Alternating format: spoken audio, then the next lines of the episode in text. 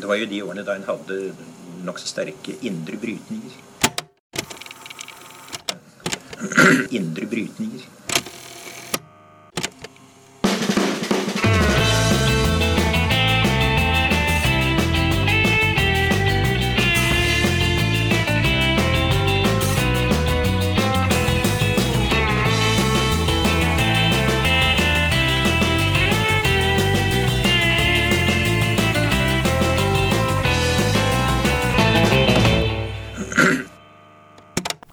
Og velkommen til Noen har snakket sammen. Mitt navn er Tiril Rustan Halvorsen. Og jeg heter Aksel Fjellavli. Eh, I dag har vi fått besøk av professor i biologi og forfatter Dag Hessen. Velkommen hit. Takk for det. Eh, du er nå ute med en bok som heter 'Verden på vippepunktet. Hvor ille kan det bli?' på Respublika. Og det er ikke koronaviruset vi snakker om her, men klima- og naturkrisen. Um, men siden det er da koronavirus alle snakker om, og folk endrer vaner over natten, hva er det dette viruset har som klimakrisen ikke har? Ja, altså i dag, som du sier, eh, verden på vippepunktet, og hvor ille kan det bli, vil jo eh, logisk for de fleste nå kobles til eh, korona. Og det er jo interessant, altså. Det er flere ting som er interessant ved det. Det ene er jo at eh, ja, vår eh, uendelige trang til å fly på kryss og tvers i verden, som er litt av det problemet jeg tar opp i boka også, er jo det som har gjort at dette er blitt eh, på uhyre kort tid en pandemi som er så langt utenfor kontroll. Eh, Det andre interessante er jo nettopp eh, den effekten det har hatt, eh, ja, dels på reisevaner selvfølgelig, dels også på møtevaner. Nå ser vi at møte til møte og konferanse til konferanse og arrangement blir avlyst.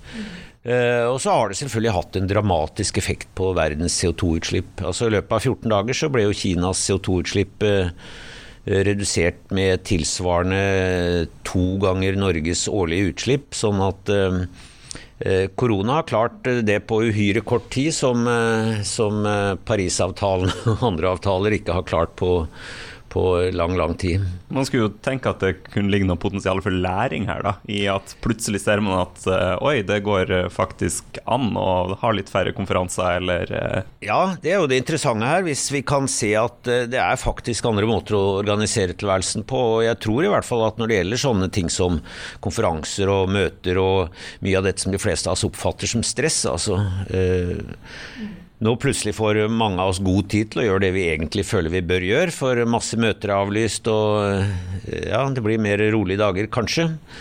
Eh, Så jeg tror nok det er en lærdom vi vil kunne trekke med oss om det vil endre våre reisevaner og produksjonsmønstrene og forbruksmønstrene på sikt. Det er nok eh, mer tvilsomt. Altså Den forrige store finanskrisen i 2008 så var jo mantraet løp og kjøp etterpå for å få i gang økonomien igjen. Så det er jo litt av dilemmaet her. Man har liksom ikke noe annen resept i dag enn løp og kjøp, så jeg frykter nok at det er dit vi havner etterpå også. Men, men hvis det hvis, eh, Nå får vi ikke ønske at eh, det blir en veldig langvarig epidemi, da, selvfølgelig, men blir den såpass langvarig at vi rekker å venne oss til andre ting og ser at ok, livet er faktisk ganske bra, og på noen områder til og med bedre, med, med mindre CO2-utslipp, så, så kan vi si at aldri så galt at det ikke er godt for noe. Vi skal komme litt tilbake til det med forbruk og vekst eh, som svar på klimakrisen etterpå, men, men eh, i forlengelsen av koronadiskusjonen, er prøver naturen og koronaviruset å fortelle oss et eller annet? Nei, det gjør det ikke. Så jeg tror ikke vi skal legge verken naturen eller koronaviruset tillegge det noe vilje i den forstand. Men det er klart det er jo et resultat bl.a. at vi er veldig tettbodd. Eh, veldig mange virus og for så vidt også andre sykdommer eh, skyldes jo at vi først begynte å bo tett sammen med husdyr. Mange av disse virusene har jo en dyreopprinnelse, de fleste. Eh, og, eh, og så er det jo det at når vi bor tett, så, så smitter det lettere. Det gjelder jo alle epidemier. Og på toppen av dette kommer jo nå den enorme sosiale mobiliteten. At vi flyr på kryss og tvers og, og tar med oss smitte. Så sånn sett er det ikke uventa at en, en pandemi får større omfang nå raskere enn enn det vi har sett før. Men eh, tilbake til eh, boka, det er jo derfor du er her, og den eh, går jo unna som varmt eh, hvetebrød i butikkene. Hva, hvorfor tror du en bok om klima, vi hører jo om klima hele tiden nå, selger så bra, og hva er det med denne boken da som, som gjør at folk er så interessert i å lese det du har å si? Det er nok litt tilfeldigheter, det tror jeg med alle bøker, at du må liksom komme på radaren, som det heter, og folk må bli oppmerksom på det. Og så kan det bli litt sånn snøballeffekter, at man begynner å snakke om den. Og så, ja, et vippepunkt. Hva? Et vippepunkt, rett og slett. Vippe, ja, faktisk. Ja, ja. Det er et klassisk eksempel på et sosialt vippepunkt. Uh, men um, ja, den har jo fått veldig bra anmeldelser, det er jo veldig hyggelig. Og så har den jo fått uh, omtaler og blitt synlig, så det tror jeg er, uh, er mye av forklaringen. Pluss at det er klart, selv om Norge er et land fylt av klimaskeptikere, ser vi på meningsmålingene, så er det jo De aller fleste er jo bekymret for dette. Og så må jeg jo si at det er jo ikke en bok bare om klima. Det er jo viktig å tenke på, eller være klar over at uh, alt i dag dreier seg ikke om CO2. Så den andre halvparten av problemstillingen i boka er jo naturødeleggelse og artstap og nedgang i bestander. Ja, kan ikke du uh, forklare litt mer om denne krisa? For jeg, jeg, tror jo du har rett i at for mange så er CO2-utfordringene ganske uh, høyt opp i hva man tenker er viktig politisk å gjøre noen ting med, mens uh, tap av artsmangfold og liksom naturødeleggelser er for mange ser jeg for meg da ikke, ikke like langt fram i pannelappen. Hva er problemet?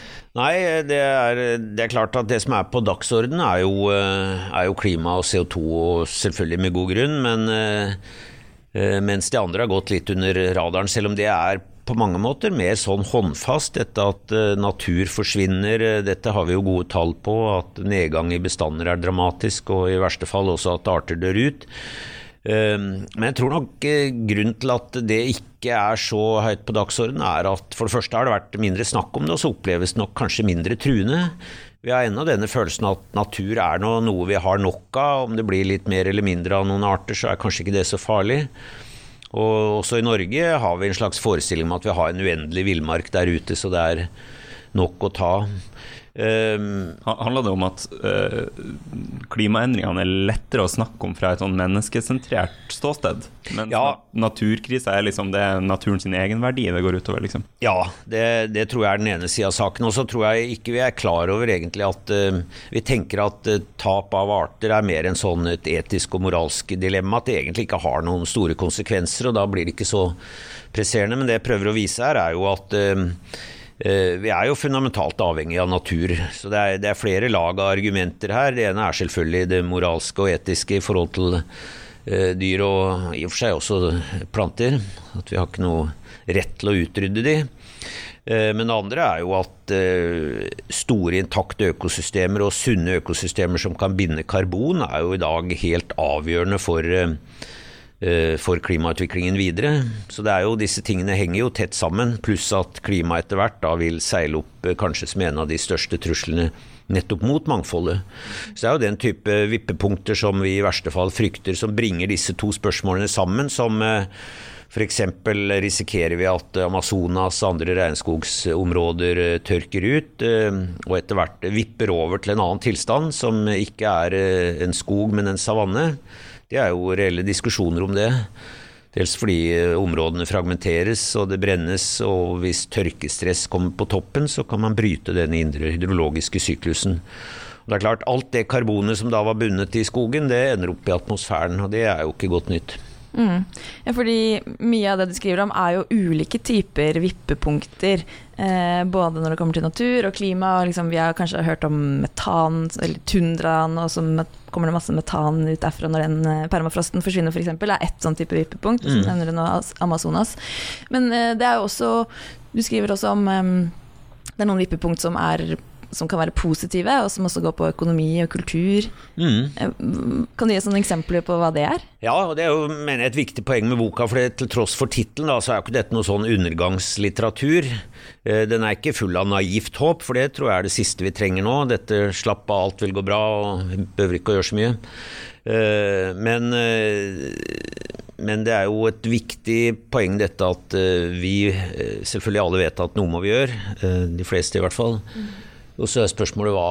Og i hvert fall en del av løsningen er altså, som du sier, vippepunkter som ikke bare er i natursystemene, men sosiale, kulturelle, normative, i og for seg også teknologiske, juridiske, økonomiske måter å tenke nytt på, som i beste fall kan bli vippepunkter som får oss til å endre atferd på en måte som motvirker nettopp de klimatiske vippepunktene. Da. Så det, det, sosiale aspektet og det kulturelle er jo en viktig del av, det jeg prøver å få fram her, og, og, kanskje det som gjør boka litt annerledes da enn en sånn vanlig beskrivelse av klimaproblematikken.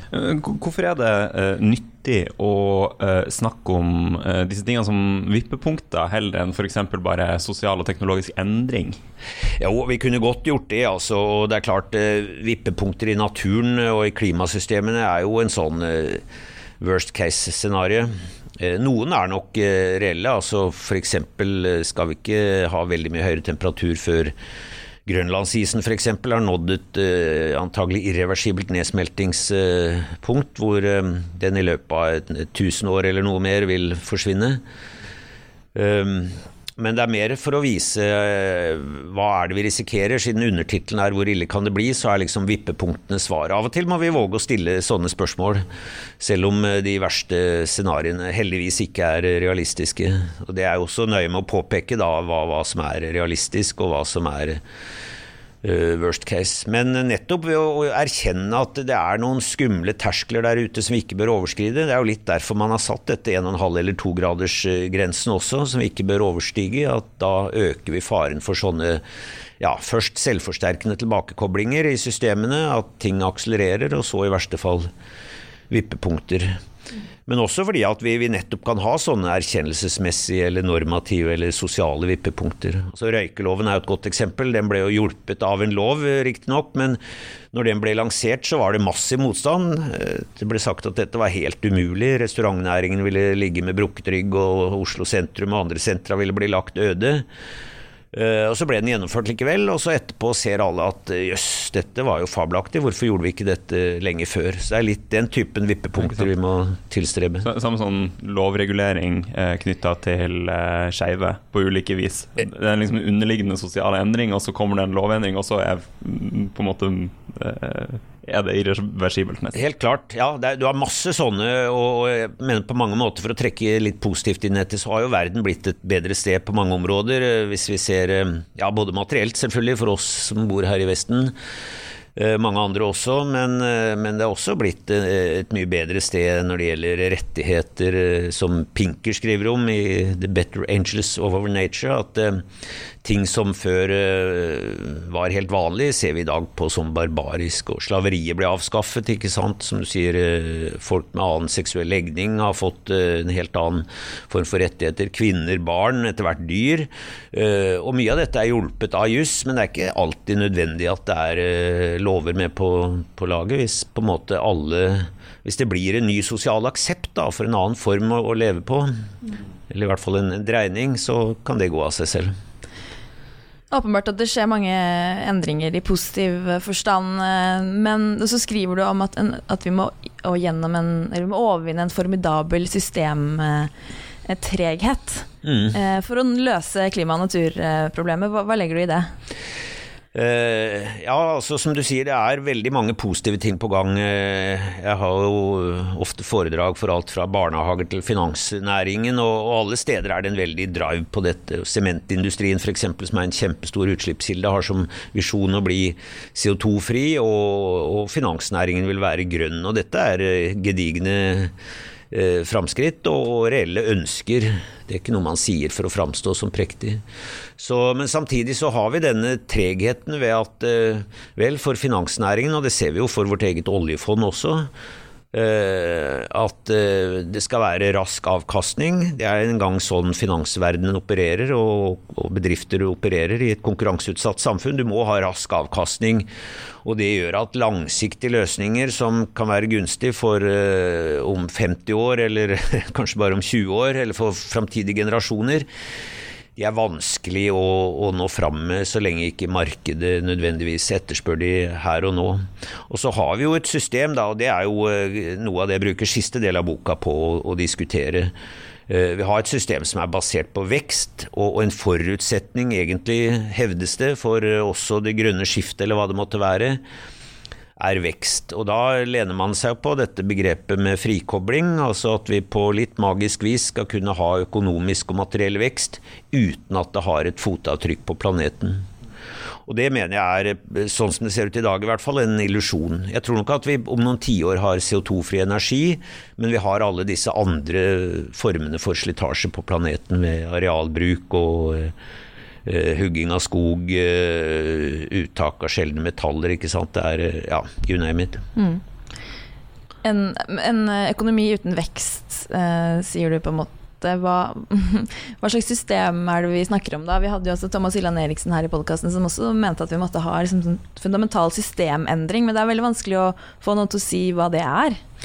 Ja, og det er jo litt av dilemmaet, og jeg er ærlig på det i boka, at uh, selvfølgelig redusert kjøpekraft og redusert økonomisk vekst vil fort føre, føre til resesjon og tap av arbeidsplasser, og man kan se masse uh, ubehagelige effekter av det. Eh, samtidig så er det helt åpenbart at veksten, i hvert fall en vekst som ligner den vi har i dag, kan ikke fortsette. Vi er jo allerede Vi forbruker jo en ekstra klode sånn som det er i dag. Og låner eller egentlig stjeler av kommende generasjoner. Så jeg tror nok at på en måte markedet er kommet for å bli. Det vil alltid være der. Det har alltid vært der også. Så, så markedsmekanismer øh, øh, kommer ikke utenom, og det er ikke sikkert det er noe galt heller hvis vi kan få markedet til å jobbe på lag med miljøet, og det er jo det mange i næringslivet også ser for seg nå. Eh, men jeg tenker i hvert fall en åpenbar ting er at vi har eh, mindre fokus på volumvekst. At netto økt kjøpekraft kan i hvert fall ikke være noe mål vår del, i vår del av verden. Eh, og at vi satser mer på kvalitet enn kvantitet. For det er jo litt dette at vel, så lenge naboen eh, har en større og finere bil og større hus, så syns vi at vi skal være med. Så det er på en måte et litt sånn tredemøllekappløp som vi, vi alle er med på. Samtidig så er jo de de beste ting i livet for de fleste av oss, de er ganske CO2-frie. Det er venner, kjærlighet, tur i skog og mark og den type ting. Eh, men det gir ikke penger i kassa, da. Det er jo det som er litt av problemet her. Så det, er, det finnes ikke noe enkelt svar på det, men det er jo en del økonomer også etter hvert som har begynt å tenke nytt rundt dette.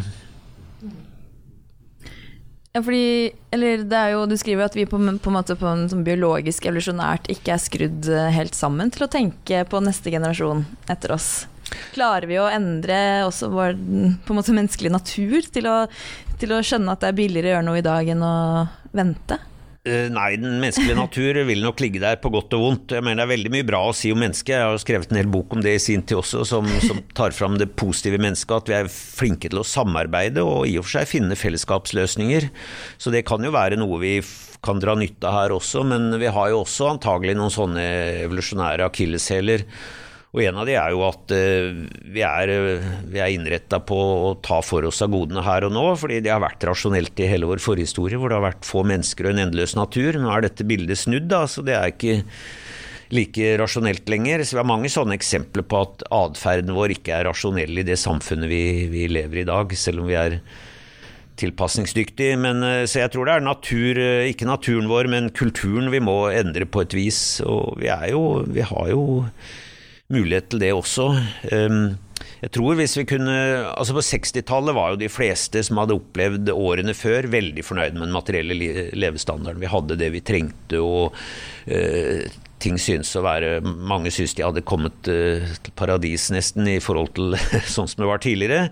Uh, likevel har jo veksten fortsatt etter det også. og den og jeg tror det er litt av det psykologiske problemet her, er at i hele vår historie, og for så vidt også våre foreldres historie, så har det vært eh, fremgang og vekst. Og vi er så innstilt på at dette ikke bare skal, men må fortsette, at det er vanskelig for oss å se for oss et eh, et alternativ. Og jeg mener jo virkelig ikke at vi skal tilbake til forhistorien, og at vi skal sitte og småfryse og ha det litt kjipt og spise kald grøt. ikke sant? Det er ikke dit vi skal. Vi skal raskere over til en ny, kul framtid. Og vi, for all del, jeg tror teknologien er en viktig del av løsningen her. Men uh, vi må skru ned forbruksmønsteret, og jeg tror egentlig ikke det er så veldig vanskelig hvis vi først uh, Eh, hvis alle gjør det på en måte, hvis vi får dette som en kulturell norm. Og vi ser jo endringer der også. Det er ikke like kult lenger å sende eh, bilder, Snapchats fra fjerne steder og si at her har vi dratt på ferie i weekenden eh, i disse flyskamtider. Så vi ser endringer der. Jeg, det koker jo ned til egentlig det Arne Næss beskrev som det rike liv med enkle midler.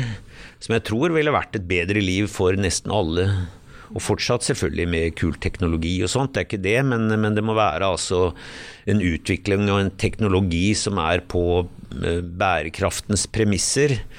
Det er jo litt av dilemmaet i dag, at i dag justerer man alt annet etter økonomien. Eh, eller for å sette på spissen, økologien justeres etter økonomien, mens det egentlig bør være omvendt. Altså Vi tillater oss så mye økonomi som eh, de økologiske rammene mm. eh, setter grenser for. Vi eh, må jo utnytte muligheten når vi har, eh, har en biolog i studio, til å snakke litt om uh, forskninga som gjøres. Du går jo gjennom en del ting i, i, boka, og mange har vel fått med seg litt biter av hva klimaforskninga sier. Men hva er liksom det nye som det snakkes om innenfor klimaforskninga, som eh, det hadde vært nyttig for flere å vite om? Det er jo veldig mye dette med tilbakekoblinger i klimasystemene, for så vidt også i natursystemene, men også, i, også dette med fenomenet med vippepunkter er eh, hvor man når på en måte irreversible terskler. Eh, i visse økosystemer, f.eks. Eh, som jeg nevnte, nedsmelting av isene, om vi kan få et irreversibelt punkt der. Eh, tap av skogområder i tropene, endring av de store havstrømmene, jo, som jo er et sånt skrekkscenario. Alt dette er Og det er flere typer sånne vippepunkter. Så det er noe av eh, av det som er de hete temaene. Og så er det jo veldig viktig, og det prøver jeg også å få fram i denne boka, at en del vet vi helt klart mye av dette er basal fysikk og det vi kaller first principles. Det er liksom udiskutabelt. Vi vet at eh, CO2 og metan og lystgass, også vanndamp, har denne drivhuseffekten. At det gir en oppvarming. Det er udiskutabelt. Og vi vet at CO2 øker, og vi vet eh, med 99 eh, sikkerhet eller mer at dette er menneskeskapt. Det er mange, mange ting som klart viser det. Så de tingene står fast. Og da kan vi veldig godt si hvor mye temperaturøkning dette vil innebære. Allikevel så ser vi jo at eh, estimatene for hvor verden vil befinne seg i år 2100 f.eks., som er et sånn magisk, eh, magisk eh, tall man gjerne viser til, de spriker enormt. altså Fra over fire grader til en og en halv som det beste. Og selv om man prøver å snevre inn dette, så ligger vi et sted, havner vi et sted i dag antagelig mellom i beste fall to til tre grader. Noe mer enn dette klarer ikke klimamodellen å forutsi. Og Det er jo der de, det er to store usikkerheter da, som gjør at eh, å, å spå om framtida blir verre jo lenger fram vi kommer. Eh, det ene er jo hvordan natursystemene vil respondere. Vil, vil, vi fortsatt ha økosystemer som tar hånd om halvparten av våre CO2-utslipp, sånn som skjer i dag? Hvis ikke, så er det klart at CO2 vil øke raskere i atmosfæren. Eh, vil vi få havforsuring, tap av skoger, alt dette? Eh, det andre er jo hvordan menneskesystemene vil reagere. Altså Vil den teknologiske utviklingen gå så raskt at vi plutselig har tilgang til en helt annen form for energi? Vil forbruksmønstrene endres? Vil korona for den del medføre så langvarige effekter at vi, vi ser eh, eh, dramatisk nedgang i CO2 over lang sikt pga. det. Og, og sånne ting er det ingen som kan si sikkert. Så det er viktig å ha klart for seg at selve prinsippene for drivhuseffekten og årsaken til det er godt beskrevet og forstått, og, og kan, derfor er også eh, prediksjonene ved temperaturstigning ved økt CO2 eh, ganske eksakte. Men så kommer alt dette andre eh, som skyldes responser og vippepunkter og tilbakekoblinger både i natursystemene og i menneskesamfunnet. Eh, det er de store usikkerhetene. For jeg opplever jo fra eh, statsvitenskapen, som er på en måte min fagbakgrunn, at det blir jo mer og mer snakk om klimaendringer sine effekter på, på politikk og samfunnssystemer. Er det liksom den koblinga mellom det sosiale og naturen som der, der på en måte de interessante forskningsdiskusjonene går nå, eller jo, nei, men Det er veldig godt og betimelig spørsmål. Akkurat det du sier er, er et viktig aspekt. fordi altså Jeg leder et uh, senter som heter uh, Biogeokjemi antropocen. hvor vi ser på sånne tilbakekoblinger i karbondynamikken, men også natursystemene. og Vi, vi oppfatter oss selv som ganske tverrfaglige, for dette er atmosfæreforskere, folk som jobber med klimamodeller, geofysikere, altså folk fra geosiden. Eh, kjemikere og biologer som jobber sammen. Så det er jo i seg selv eh, temmelig tverrfaglig, og det må det jo være. For dette er svære, komplekse systemer med masse tannhjul som griper i hverandre, som ingen helt forstår. Eh, til fulle, i hvert fall. Så, men samtidig tror jeg du har helt rett at eller i hvert fall er det min erfaring, at naturvitenskapen kan beskrive disse problemene og langt på vei forstå de og si en del om hva vi bør gjøre. Eh, men man kommer ikke noen vei uten at eh, vi jobber med folk som forstår ja, Klimapsykologi er jo et viktig aspekt ved dette. Nettopp samfunnsresponser. Hva skal til for å få vippepunkter i økonomiske systemer? Hvordan kan man bruke jussen eh, som virkemiddel her, som det forskes masse på? Eh, dette med corporate sustainability, altså hvordan kan business-segmentet tenke grønt og handle grønt. Uh, og det er mange i ulike fagdisipliner som jobber med dette. Så vi har også ved vårt senter et utstrakt samarbeid med folk innen andre disipliner som, som jobber med disse tingene. Det tror jeg er helt nødvendig. Og så må dette på en måte omsettes i handling. Og da kommer jo eh, de som på en måte sitter med hånda på rattet inn i bildet, altså politikere, næringsliv, eh, ja, produsenter. Mm. Men et veldig viktig poeng med dette er altså at uh, dette er jo også et spørsmål som angår hver og en av oss. For det er jo liksom det klassiske argumentet som noen av hver kan føle på. Det spiller jo ingen rolle om jeg flyr litt mindre og spiser mindre kjøtt eller hva som helst. Prøver å leve grønt, for det, det er ikke målbart. Norge som nasjon eh, dekker seg jo bak mye av det samme. At eh, ja, hva kan vårt lille land eh, bidra med? Og man regner på hvor mange promille vi bidrar med. Nå er det egentlig ikke promille, men prosent, altså hvis vi regner på norsk offshore. Men det er klart, det blir jo marginalt i forhold til hva Kina, India og USA gjør. Det, det skjønner alle. Og Så kan man selvfølgelig dekke seg bak dette da, og si at det spiller ingen rolle, og det er politikerne som ordner opp, og næringsliv og osv. Og, og jeg kan fortsette som før, og kan til og med protestere hvis bensinprisen øker for mye. Uh, så det er, et, eh, det er, også et aspekt jeg prøver å få fram, at vi har alle et ansvar, og det er en bra ting. Fordi summen av uh, naturslitasje og CO2-utslipp, og metanutslipp for den del, er jo Eh, det er jo summen av enkeltindividers handlinger og forbruk. Og da er det jo vi som forbruker aller mest, og har gjort det i mange år, som bør ta det første og største ansvaret. Mm. Og jeg mener i den sammenhengen at ansvar er en bra ting å ha. Så jeg, jeg så i fjor en veggplakat eh, i Bergen som, eh, som jeg har begynt å referere til noen gang, for jeg syns den tok dette veldig bra. Altså den, den sa noe sånt uh, som at uh, den største trusselen mot planeten, det er troen på at det er noen andre som skal uh, redde den. Mm. Mm. Ta ansvar sjøl. Ja. Mm. Um, og noen peker jo også på kanskje demokrati i seg selv som en del av denne systemtregheten. Mm. Det var jo også en kronikk som du bl.a. var med på sammen med en del andre forskere, om, om nettopp det. da, er det Stopper demokratiet oss fordi man kan liksom peke litt på hverandre? Går det an å løse dette innenfor demokratiet? Ja, altså La oss starte i den enden og si at vi har ikke noe bedre alternativ enn demokratiet, og, og, vi ønsker oss ikke bort fra det. Samtidig er det klart at demokratiet har noen innebygde svakheter, og det er jo nettopp at det er vanskelig å snu skuta raskt. Et opplyst enevelde vil jo raskt kunne gjøre dette. Det ser vi for så vidt på koronahåndteringen i Kina som eksempel. Samtidig ønsker vi oss virkelig ikke et totalitært eh, samfunn da. Uh, men det er jo nettopp et argument eh, for at eh, vi som individer, som jo utgjør demokratiet og velger våre politikere, også har et ansvar på det området. Eh, vi må velge de politikerne som er smartest i denne sammenhengen her. Og vi må være villige til å lytte til de når de prøver å, å, å vise vei. Fordi det ser vi også at politikere, hvis de blir for offensive på naturens og klimaets vegne, så er det lett for at det kommer en motreaksjon. Det, ja, det er demokratiet det også, men mm. det er jo noe av det som forsinker denne prosessen. Du skriver en del om Greta Thunberg også, at nå er det inne en ny grønn bølge. og Det er ikke den første grønne bølgen eh, vi har sett eh, i verden. Hva, eller er det noen grunn til å tro at denne er mer kraftfull, eller nærmere et vippepunkt i ja, positiv forstand?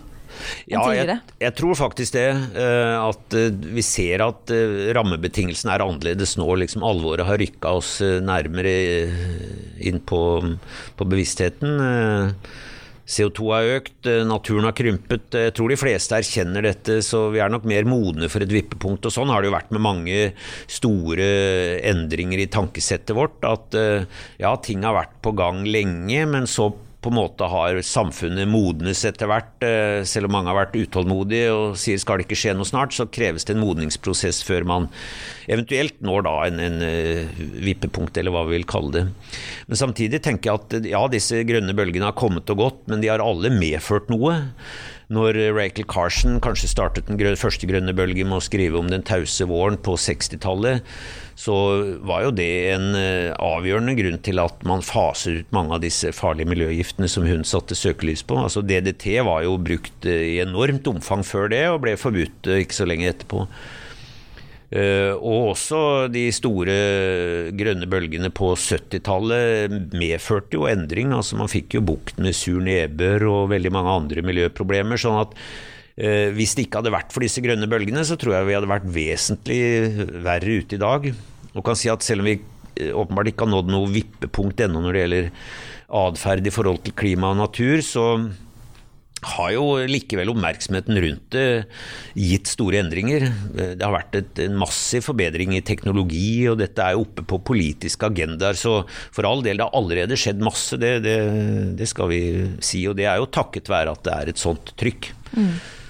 Så mye positivt kan skje i forkant av et eventuelt vippepunkt heller, og det er ikke sikkert vi trenger et vippepunkt, men i hvert fall en, en såpass rask omstilling, da. For det er jo litt av dilemmaet her i dag, at vi har et kort tidsvindu til rådighet.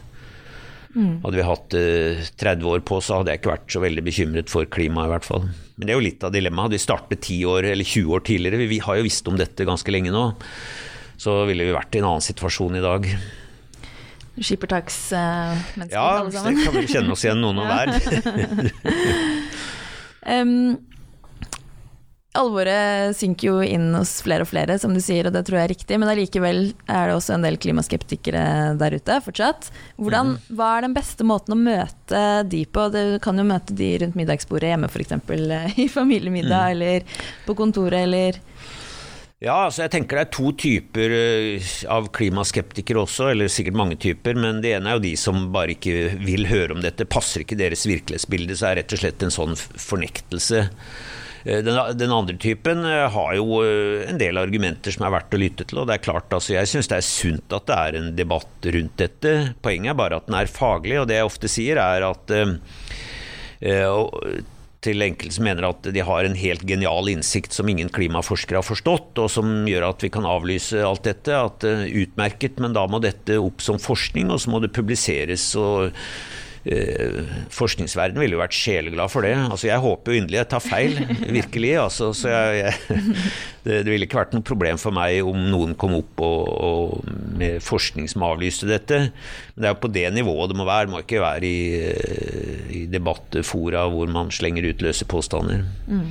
Men eh, for all del, altså, jeg mener ikke det er umoralsk å tvile. Det er umoralsk å avvise dette mot bedre vitende, sånn som røykelobbyen gjorde i sin tid. Men, eh, men eh, det er jo ikke det er jo ikke umoralsk å tvile, og det fins jo selvfølgelig en del usikkerheter i det. Ikke som sagt i de basale tingene, men akkurat hvor dette eh, vil føre oss. Og så er det klart at det fins en del ekte dommedagsprofeter. Altså, jeg er jo virkelig ikke blant de. Jeg mener at ting nok kan bli ille, men og til dels ganske ille i noen deler av verden, men at verden går jo ikke under, og jeg er ganske overbevist om at menneskeheten vil bestå, og det er for meg liksom jeg synes Det høres ganske ille ut at du sier at, det er ganske, at du har ganske stor tro på at menneskeheten vil bestå. Nei, nei, nei. Eh, man kan ikke si det 100 sikkert, nei, men jeg, jeg, er så godt som sikker på det. Altså, eh, og det er grunnen, Jeg ligger ikke søvnløs om natta på grunnlag av dette. Så, og, og, jeg bruker jo også litt eh, noen sider i boka på å argumentere mot de ekte dommedagsprofetene. Altså, verden går ikke under, menneskeheten vil bestå. Alt dette. Jorda har vært gjennom store prøvelser før, det skal vi være klar over, og hanka seg inn igjen riktignok da med, med, ofte et annet artsinventar, men det er nå så.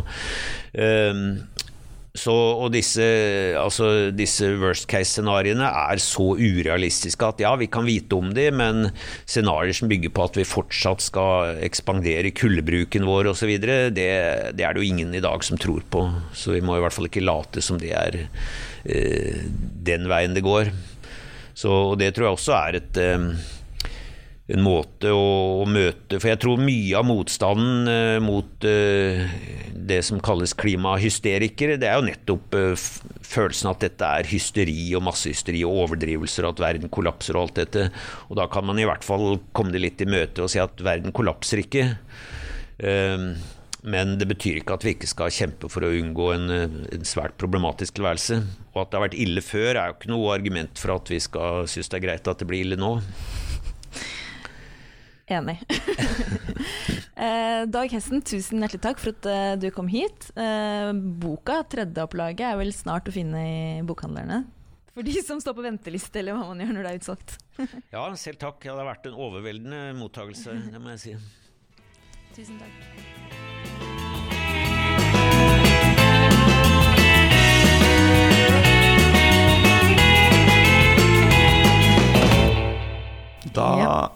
Nærmer vi oss slutten, så da skal vi anbefale noe. Har du Ja, altså Først og fremst eh, må man jo ta klimatiltakene på alvor, men siden det er eh, koronaviruset som står akkurat nå øverst på dagsordenen, så vil jeg faktisk ikke dra til Holmenkollen, f.eks. Ja. Følg rådene fra helsemyndighetene. Det er ikke sikkert at deg dette viruset går hardest utover, det er kanskje naboen din eller noen andre. og tenk litt ekstra på de. Ja. Det er mitt råd. Nå er jeg jo litt sent ute før uh, nyttårsforsett, men jeg tenkte det kan være et godt nyttårsforsett generelt å følge litt flere myndighetsråd. Ja, ikke sant? Kjøpe sånne jodtabletter og sånn? Ja, det har jeg gjort. Ja, du har det? jeg tenker litt sånn Både klimakrisa og eh, korona handler jo i stor grad om solidaritet med de svakeste blant oss. Så eh, om ikke for seg sjøl, så kan man i hvert fall eh, gjøre det på vegne av eh, Noen andre. Mm. Ja. Uh, og hvis man skulle være så uheldig da, og havne i karantene, så hadde du en anbefaling til de også? ja. ja, jeg har uh, rett og slett oppdaga at det har blitt uh, lagt ut en masse filmer fra det japanske Studio Ghibli, eller Gibori, uttales det kanskje? Kan ikke japansk. Nei, ikke heller. Så, så, det er jo noen ting å, å sjekke ut hvis man likevel sitter, sitter hjemme og ikke har noe å finne på. Um, Japanske tegnefilmer. Ja. Uh, Shihiro-heksene og Min venn Totoro og ja. alt sånt. Bra tips. Uh, da regner jeg med at vi er tilbake her om en uke. Det er vi. Ja. Snakkes. Ha det.